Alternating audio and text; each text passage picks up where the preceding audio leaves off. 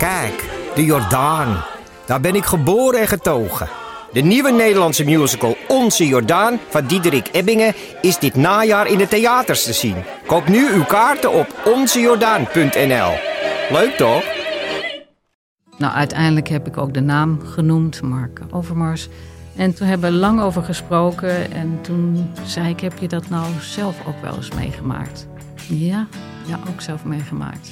Heb jij ook wel eens van die dickpics ontvangen? Ook. Ja, dat vond ik toch wel heel heftig. Ben je benieuwd naar deze verhalen en wil je niets missen? Via podimo.nl slash gonzo luister je 30 dagen gratis naar Gonzo op Podimo. podimo.nl slash gonzo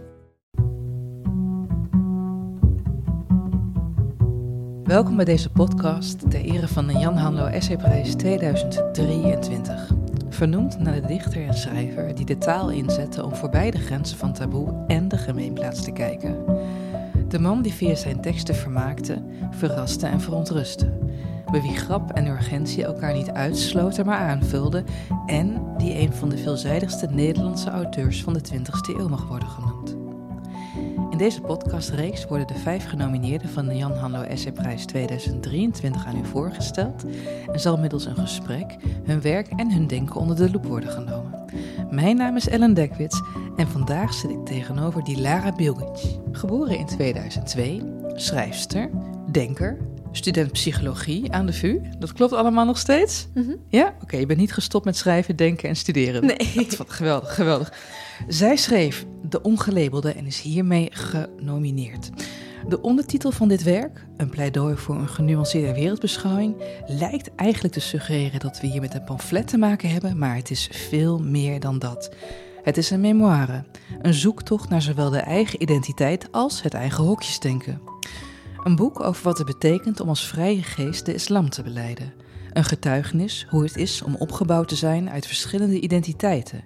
Vrouw, dochter en jongeren met een haast onstilbare kennishonger.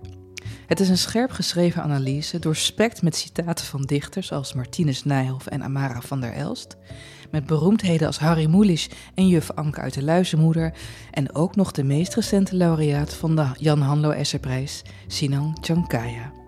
Een onderbouwde poging om niet de labels te verbannen uit de taal, maar om te reflecteren op de invloed van ons woordgebruik op de werkelijkheid en de rol die geloof, gender, taal, klasse en afkomst daar allemaal in spelen. Dat was hem. Dilara, welkom. dankjewel. Nou, mooiere intro had ik me niet kunnen wensen. Dank je. Fijn dat je er bent. We gaan uh, ja, even lekker in gesprek over jouw boek. En uh, ik ben natuurlijk, net zoals jij, ook een beetje een letternerd. en ik was heel blij dat ik meteen zag dat je niet alleen je boek opent met een citaat van een gedicht van Martinus Nijhoff, maar daarna ook nog een keer de Max Havelaar hebt herschreven. Of althans, de barbertje moet hangen scène. Ja. En daar wou ik eigenlijk met je over beginnen. Mm -hmm. ik, uh, ik ga het citaat er even bijpakken. In de originele Max Havelaar is dit iemand die wordt verweten een zekere Barbertje te hebben vermoord. Mm -hmm. Dan komt Barbertje in real life naast hem staan van nee, ik leef nog, kijk, ik ben niet vermoord.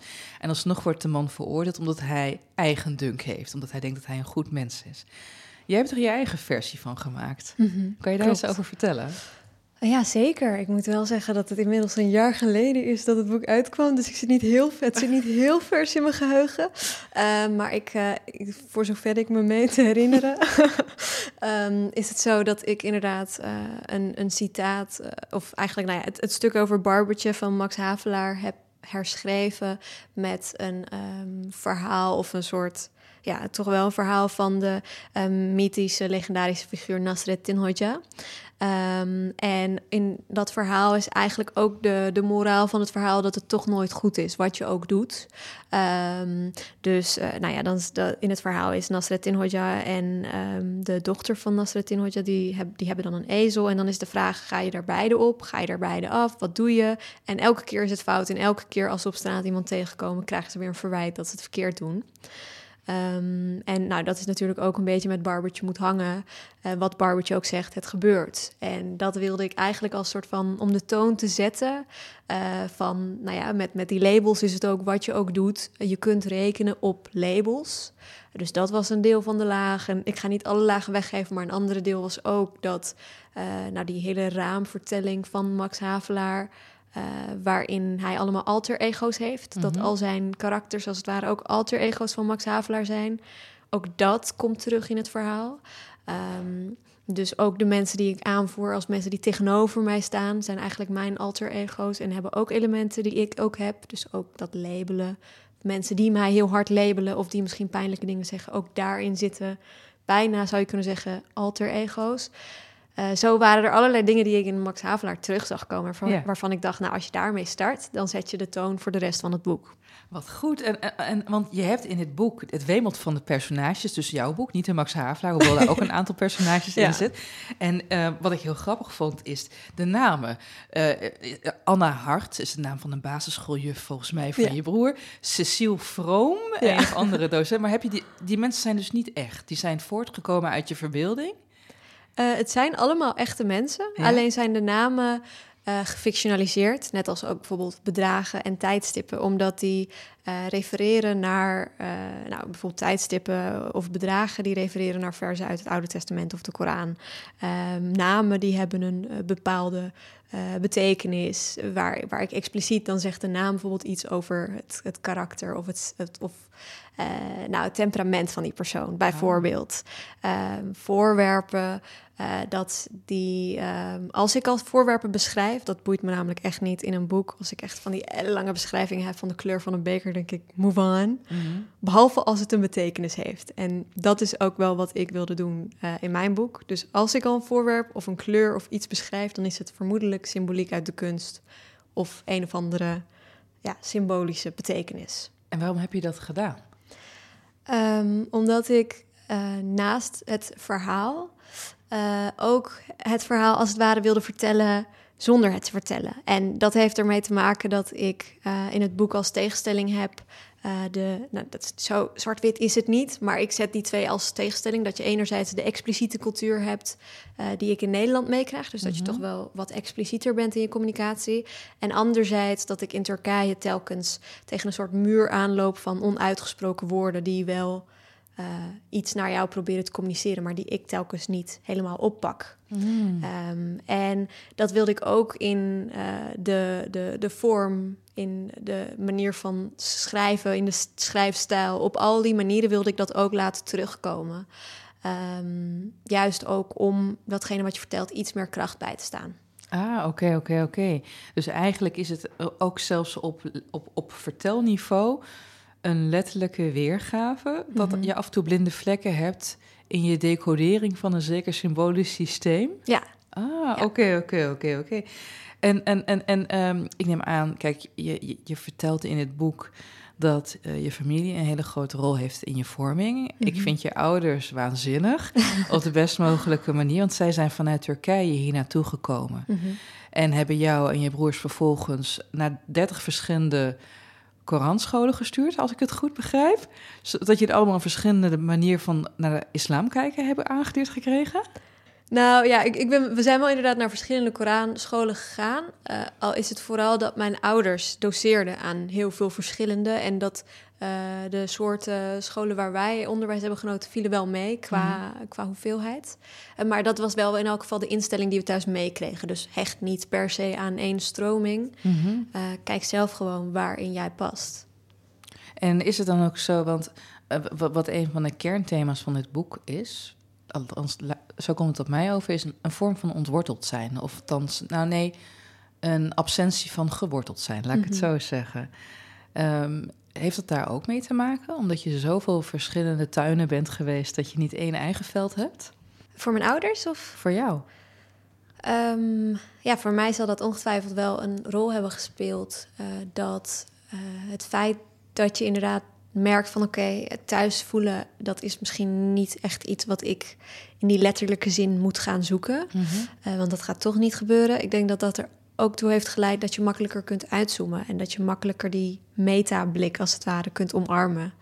Eh, omdat je toch al gewend bent aan het ongemak. Dat je denkt van ja, eh, hoor ik hierbij? Nee. En, en oké, oké. En dat uitzoomen, dat, dat, dat doe je ontzettend, on- vind ik ontzettend sterk. Je probeert van alle kanten de zaak te bekijken. Je lijkt ook haast. Heb je Harry Potter gelezen? Nee. De films gezien? Eh, deels. Oké. Dat zeg ik met licht Nee, ik moest denken aan het personage Hermelien Greffel, die alles weet en uh, op een gegeven moment een soort magisch uh, kompas heeft, waardoor ze 48 uur per etmaal kan studeren. Oh, wauw. En ik moest een beetje aan jou denken, omdat je volgens mij... Was het maar zo'n feest. Ja? je zegt ergens in het boek, want je, bent, je, bent, je hebt een enorme kennishonger. Je bent ook de hele tijd aan nadenken en zo. Je ligt ook in bed na te denken. Of je lacht toen je dit boek schreef in bed na te denken. Is het nog steeds zo trouwens? Of, uh... Uh, ja, maar gelukkig heb ik niet nu nog een boek die ik moet schrijven. Nee? Uh, maar ik lig inderdaad wakker om andere dingen. Oké, oké. Okay. Piekeren of uh, concepten? Of... Um, ja, piekeren niet zozeer, maar wel dat je... Dan, dan is het twaalf uur s'nachts en dan denk je, nou, nu ga ik slapen. En dan bedenk je je iets. Of dan moet je opeens denken aan een gesprek. En dan ben je, op, op, ja, dan ben je alweer een half uur verder, om maar even zo te zeggen. En, en dat je allerlei concepten erbij gaat halen. En nou ja, misschien niet op het meest mooie tijdstip van de dag... maar wel op een rustig tijdstip. Ja, je wordt niet gestoord nee. door allemaal dingen en zo. Precies. Um, je, je, hebt ook een soort van bevlogenheid om anderen te begrijpen, en alle te willen begrijpen. En ik, ik las in je boek, maar ook uit een interview dat je hebt gegeven bij Nooit meer slapen, dat je denken heel snel sterk is beïnvloed door Marshall Rosenberg van het geweldloze communicatie-idee. Mm -hmm. uh, wanneer, wanneer ontdekte je dit? Wanneer? Um, ik denk, nou ja, inmiddels al wel weer flink wat jaren geleden uh, dat ik dat boek uh, voor het eerst las. Ja. En het was gewoon echt een eye-opener om te zien hoe hij um, de dingen die ik gevoelsmatig wel zo ervoer, echt in een soort theorie heeft gegoten die hij inzet bij depressieve mensen, bij koppels die al twintig jaar een relatie hebben die uh, echt niet goed loopt. Um, conflictgebieden, Israël, Palestina. Hij zet het echt op allerlei verschillende niveaus in. Um, om zeg maar te leren communiceren voorbij dat wat je zegt. Hmm. Ik denk als we naar het Nederland van 2023 kijken, dat een conflictgebied van, van, je welste is. Was er een inzicht in zijn denken of misschien in je eigen denken, waarbij je nu denkt van nou, het zou wel helpen als we dit eens zouden gaan doen? Um, goeie vraag. Ik, ik denk dat je sowieso op één op, bij één op één gesprekken zou zijn methode echt uh, enorm veel helpen. Ja. Uh, omdat we nu gewoon, um, ja, kijk alleen al op Twitter, uh, maar misschien is dat een heel slecht voorbeeld, hoe mensen met elkaar communiceren, verwijt bovenop verwijt. Um, en wat geweldloos communicatie zo mooi stelt, is dat je voor goede communicatie maar één persoon nodig hebt. Ook al is het een dialoog die inziet van oké, wat jij hier zegt uh, gaat niet om mij. Dus je noemt me misschien, uh, nou, sukkel, laten we het even heel eufemistisch houden. Um, maar wat daaronder ligt, is eigenlijk die en die behoefte. Laten we het daarover hebben. Um, en als er dus in zo'n dialoog één persoon is die dat gesprek die kant op kan tilten, heb je opeens een heel ander gesprek. Ja, dus eigenlijk dat je afstand neemt van het persoonlijke en kijkt naar de leegte die er is, die gevuld moet worden. Ja, ja. En inderdaad dat je kijkt naar. Um, dus uh, wat is uh, jouw onvervulde behoefte? Ja. Wat ligt er onder jouw woorden? Maar we hebben natuurlijk ook maar één leven en een beperkte hoeveelheid tijd. Dus we kunnen niet alle mensen begrijpen. Of zie je dat anders? Uh, nee, nee. Het is, uh, ik verkeer ook niet in de veronderstelling dat ik in mijn leven heel Nederland ga kunnen verbinden, helaas. um, maar is dat je ambitie trouwens? Nee, of, nee, nee. Oké, okay, okay, dat scheelt weer tijd, ja. Net toevallig gisteren die ambitie opgegeven. Toen je lag te piekeren ja. in bed. Precies. ja. Um, nou ja, ik, ik denk wel dus dat je... Uh, want ik, ik zit ook bijvoorbeeld op Twitter... en dan zie je daar ook reacties waarvan ik denk van... ja, ik ga hier nie, nu niet even een verbindend gesprek voeren... omdat ik anders uh, helemaal niet nou, aan bijvoorbeeld de, deze podcast toe zou komen... als ik op iedereen zou gaan reageren en overal zou willen verbinden. Uh, maar het betekent wel dat je met die vaardigheden in het achterhoofd...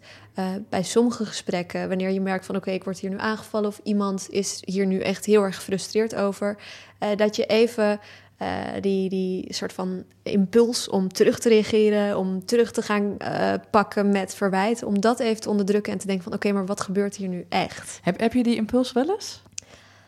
Ja, ook ik ben mens. Ja, ja, maar, ja, ja nee, maar omdat je in je boek ben je heel genuanceerd. Maar Mhm. op, eh, en tegelijkertijd heb je een ja, soort haat-liefde verhouding met je gevoelens. Mhm. Je stelt volgens mij ook ergens dat je gedachten een fundament vormen. En als dat fundament een beetje geconsolideerd is, dan kun je je gevoelens een beetje er laten wijden en zo. Maar wa- wa- wa- wat, wat, wat gebeurt er met jouw betekenissystemen als je echt flink pissed off bent? Ehm, nou, dan, eh, dan kan ik denk ik wel verbaal eh, scherp zijn. Ja, denk ik. En denk je dan achteraf van, oef, oepsjes, dat had ik niet moeten doen? Of denk je van, Nou ja, het is niet dat ik echt eh, helemaal ga lopen gillen of schreeuwen of iets dergelijks. Maar ehm, ik denk dat ik dan vooral in een soort debatmodus kom. En dat is niet altijd. Nou ja, dat is niet altijd heel erg efficiënt en ook niet heel constructief. Want wat je dan krijgt is dat mensen teruggaan of dicht gaan klappen. ja. Eh, dus dan zit je allebei in je eigen gelijk. En ze reageren dan op je toon in plaats van op je inhoud. Ja. Ja. Ik vroeg me nog iets af. Hè? Ehm, je zegt ergens, nou ja, niet ergens op pagina 128, zeg je iets heel moois. Toch is de enige manier om hokjes af te breken, om zoveel mogelijk mensen voorbij het hokje te leren kennen en te hopen dat de innerlijke empirist met voortschrijdende inzicht de criteria voor categorisatie aanpast. Dat is prachtig, dat, dat vergt ook een welwillendheid.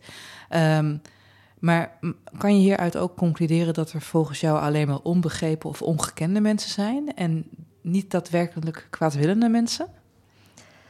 Ehm, nou, ik denk dat, dat er ook wel kwade bedoelingen zijn. Eh, Ja. Ik bedoel, criminelen. Ik ga nu niet zeggen dat, dat, dat, daar niet, dat er niet verkeerd gedrag is als iemand crimineel gedrag pleegt.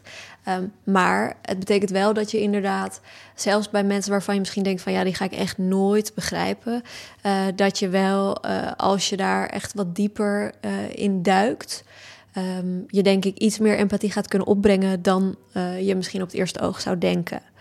Ehm, dus ik denk ook wel dat het kan helpen hierin om te zeggen van oké, mensen kunnen eh, verkeerd verdrag, eh, gedrag vertonen. ehm, maar dat hoeft niks te zeggen over hun kern als mens. Dus Mhm. ik, ik geloof ook wel, eh, nou geloof, ik bedoel dat zie je ook binnen de psychologie, dat mensen niet zomaar uit het niets bepaald soort verkeerd verdrag gaan vertonen. Het is echt niet zo dat, dat sommige mensen worden geboren als crimineel. Nee, nee.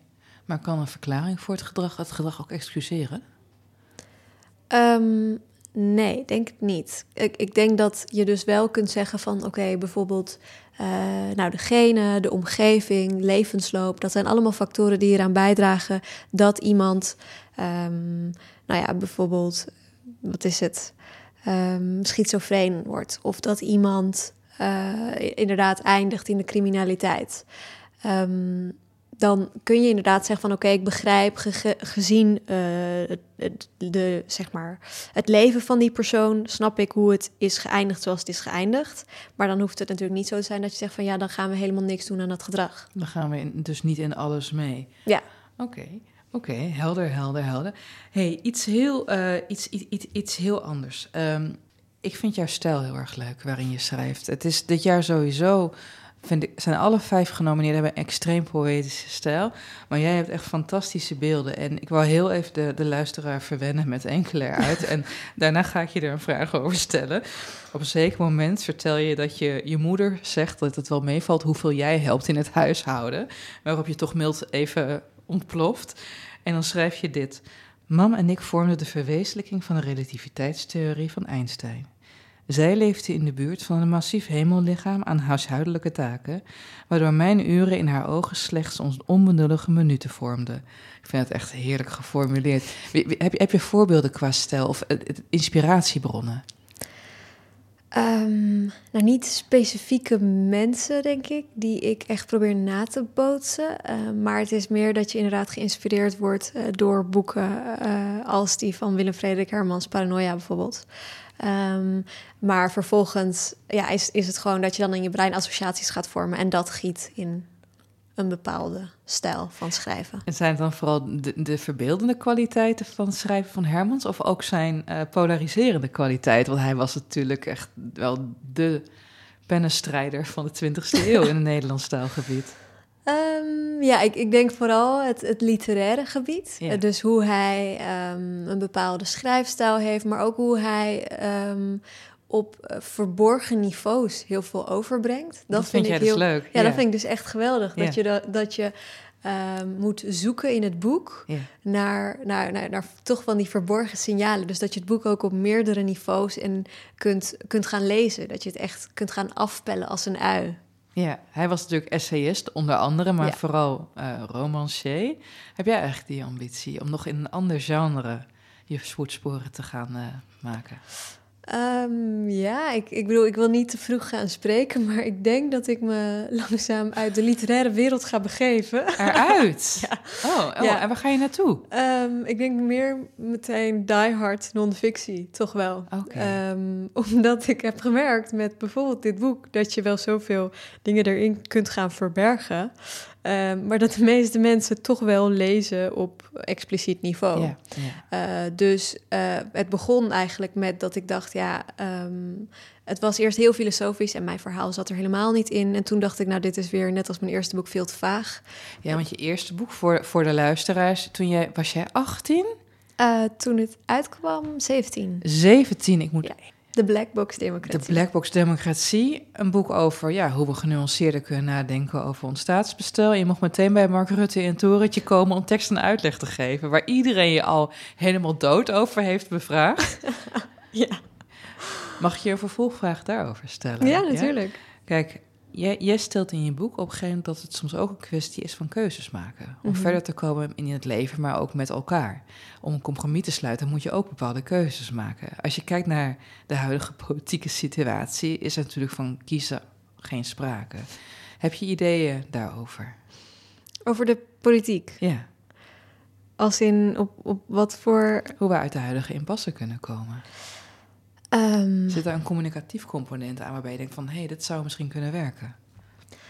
Uh, grote vraag, moet ik zeggen.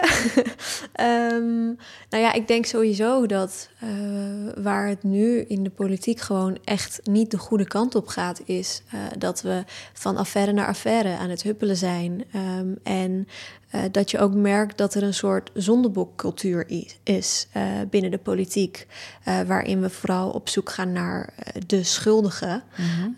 waardoor politici denk ik ook heel weinig de tijd hebben om echt te leren van gemaakte fouten. Kijk alleen al naar de toeslagenaffaire.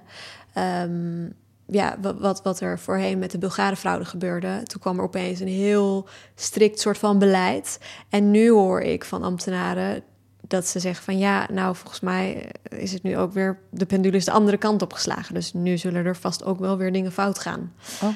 Okay. Um, dus ik, ik denk dat dat, uh, en dat is niet alleen aan mij, maar ik denk dat er echt wel uh, serieus moet worden gekeken naar uh, bijna de driehoek waar we in zijn beland van politiek, media en burgers, die allemaal elkaar versterken in, in toch wel een heel giftig systeem. Waar zit het gif hem in? Um, ja, ik denk in dat we waan van de dag prefereren boven uh, echt wel de, de kern van problemen. Dus dat we ook, uh, en daar hebben dus, er wordt heel vaak naar politici gewezen, maar ik denk ook echt niet dat politici elke dag wakker worden met het idee van, oh leuk, vandaag ga ik weer eens achter de waan van de dag rollen. En journalisten doen dat ook niet. Um, ja, burgers die lezen gewoon artikelen en proberen vaak, uh, is mijn ervaring wel, gewoon geïnformeerd te zijn. Dus het is ook niet dat er kwade bedoelingen zijn, maar ergens in uh, nou, die routine, uh, ergens in die schakels aan ketenen, um, moet wel een verandering teweeggebracht worden. Dus ik denk dat, het, um, nou ja, deels, dus dat politici misschien uh, zeggen van ja, weet je, er is twee minuten geleden een rapport uitgekomen. Ik heb daar geen mening over, want ik moet hem eerst lezen. Mm. Dus ik ga daar niet over twitteren. Maar ook dat journalisten zeggen van ja, we kunnen nu wel live zijn. Um, we moeten het eerst even lezen. Of wat, wat zijn de diepere nuances? Of weet je wel, dat je het wat breder gaat duiden dan alleen maar politicus A zei. Dus die is schuldig. Dus ze hebben tijd nodig. Er moet meer tijd komen. Uh, ja, maar die gaat niet komen. Dus ik denk dat je daarin meer tijd uh, moet creëren. Of dat er ruimte moet zijn voor nou, iets meer duiding. Voor het saaie verhaal misschien. Dus, dus, dus eigenlijk is een gebrek aan ruimte en tijd een nekslag voor nuance. Uh, ja, ja, maar als je het zo stelt, dan ligt de verantwoordelijkheid bij de tijd. maar, dat, ik vind dat het dus de verantwoordelijkheid is van eh, iedereen die in dat systeem meegaat. Om te zeggen van ja, gegeven het feit dat een dag in principe elke dag uit 24 uur bestaat, moeten we keuzes maken. En uh, ik ga even een gespreksonderwerp terug. Je gaat richting de harde non-fictie. ja. Werk je nu al aan iets? Um, nou, nee, niet, niet per se. Uh, niet, niet aan een boek in elk geval. Losse artikeltjes misschien hier en daar. Um, maar ik, ik, ik ben inderdaad nu langzaam eruit aan het bewegen. Omdat, um, nou, bijvoorbeeld dus met dit boek... Uh, koos ik dat literaire, verkoos ik dat literaire boven de leesbaarheid. Uh, dus ik heb ook een bepaalde uh, schrijfstijl gehanteerd en ook een bepaald soort woordgebruik met neologisme, ook ja. met een reden. Um, nou ja, archa ar archaïsche woorden soms ook. En dat is dus niet omdat ik elke dag zo praat, um, maar juist ook omdat je daarin een boodschap wil meegeven. Uh, maar goed, al die dingen die komen dus vaak niet over, waardoor het, het boek bijvoorbeeld, als je het zo plat van kaf tot kaf leest, heel pretentieus over kan komen. En waardoor al die boodschappen verwaterd raken. Denk je, hebben mensen dat gezegd, dat ze het boek pretentieus vonden? Niet, niet zo direct, maar je krijgt wel van mensen teruggekoppeld dat ze zeggen van ja, het taalgebruik is niet per se, wordt niet per se altijd gewaardeerd. Ah. Um, en dat snap ik heel goed, want een, um, nou ja, een column van mij leest misschien lekkerder weg. Omdat ja. ik daarin toch wel let op mijn woordgebruik, dat het simpeler is, dat je soms wat kortere zinnen gebruikt. Daar moet ik nu ook op letten, merk ik heel lange bijzinnen. Dat mag hier allemaal. maar uh, in het boek kon het juist wel, omdat ik dacht van oké, okay, uh, nou neologisme is bijvoorbeeld passend, omdat je daarmee letterlijk uh, hokjes als het ware doorbreekt. Ja, jij zegt op een gegeven moment je moet camouflasimileren. Ja. Dat vond ik echt heel erg enig. nou, fijn dat het niet pretentieus overkwam. Nee, want, nee, nee, nee, absoluut niet. Kijk, het, enige wat, wat, wat, wat, wat ik, waarvan ik had kunnen denken dat mensen het pretentieus... Ik vond het heel grappig, maar pretentieus hadden kunnen opvatten... is het omslag waar jij als het melkmeisje van, van meer... maar ik weet niet of het melk of kefir is wat je daar inschenkt... waarop je nog een hoofddoek draagt. Wie heeft het idee gehad om dit omslag te maken? Um, ik wilde eigenlijk heel graag het melkmeisje al, denk ik, vanaf het begin als omslag. Ja. En ah. in het begin stond het dan wel in, in het manuscript, had ik dan vier verschillende foto's volgens mij van internet bij elkaar geplakt. Zo van, zoiets wil ik, maar hoe we dat gaan doen komt nog wel. Ja. Um, en uh, nou, toen werd het dus steeds moeilijker, omdat ik, uh, net als in schilderijen, ook omdat ik nou ja, in, in mijn boek Symboliek uit de kunst gebruik, wilde ik ook op het omslag allerlei symbolische dingen. Uh, en als je dat dan gaat moet laten ontwerpen, nou, dat werd allemaal veel moeilijker. Dus ik dacht, aangezien ik mezelf in het boek als figurant heb gekozen, is het misschien ook wel handig als je dat dan ook gewoon op, op de kaf doet. Oh ja, ja nou ja, mag ik een paar symbolen? Want ja, oké, okay, luister. Je bent melk aan het inschenken. Nou, ik denk dat gewoon voor de Vermeer-associatie ja. is. Oké, okay, je hebt appels en vijgen bij elkaar in het. Dus appels zijn voor de boom van goed en kwaad. En de vijgen zijn, oh lieve help, daar schiet mijn kennis van vijgen tekort. Ja, het is, ik, uh, ik moet zeggen dat hier mijn kennis van mijn eigen boek tekort schiet. Oh nee, kijk hier. Volgens mij heb ik um, vijgen en gramenaatappels heb ik gebruikt omdat die um, in het boek um, de. Deuteronomium? Ja, wat een woord. Ja, Volgens ja. mij voorkomen in de beschrijving van hemel. En dat is dan weer iets... Ik ga niet al te veel weggeven, maar dat is dan weer iets wat in het boek voorkomt. En nou ja, zo, zodoende. Um, en melk, dat, dat kwam dus vanuit nou, het melkmeisje. Dat klinkt toch wel heel braafjes, roept een bepaalde associatie op. Uh, is ook heel erg, roept een bepaald soort van bijna Hollands ja, associatie op. Een van de symbolen van Nederland, denk ja, ik wel eens. Precies. Melk. En dan ja, speel ik daar dus mee door daar een, een, nou, een Turks meisje op de kaft te zetten um, met hoofddoek. En uh, nou, bepaalde, nou, je ziet dan ook op mijn arm een, um, een armband met de Arabische letter wauw. De ketting ook de Arabische letter wauw. Dus, dus, wat, ja. wat betekent dat, wauw? Uh, dat is een, een ja, voegwoord, zou je bijna zeggen, een ja. verbindingswoord. Uh, en. en oh, daarmee... wat op een embryootje lijkt, ja, wat je in het boek precies. ook beschrijft. Ja, oh, dat is inderdaad de letter wauw. En die verbindt dus letterlijk nou, twee overzijden. Zoals Martinus Nijhoff beschrijft in, zijn, uh, in zijn gedicht. Oké, okay, tot slot. Je gaat, dus, je gaat dus artikelen schrijven. Waar gaat je kennishonger nu naar uit? Wat wil je verder onderzoeken? Um, uh, ja, heel veel. uh, ik zit nu heel erg in, in de hoek van... Uh, nou, dit klinkt meer cliché dan ik het bedoel... maar diversiteit en inclusie. Ja. Um, om, omdat ik daarin ook wel merk hoe labels wederom een, een rol spelen... In best wel een gepolariseerd gesprek over diversiteit. En over ook uh, nou, ongelijkheid, kansongelijkheid en wie daarover mag praten.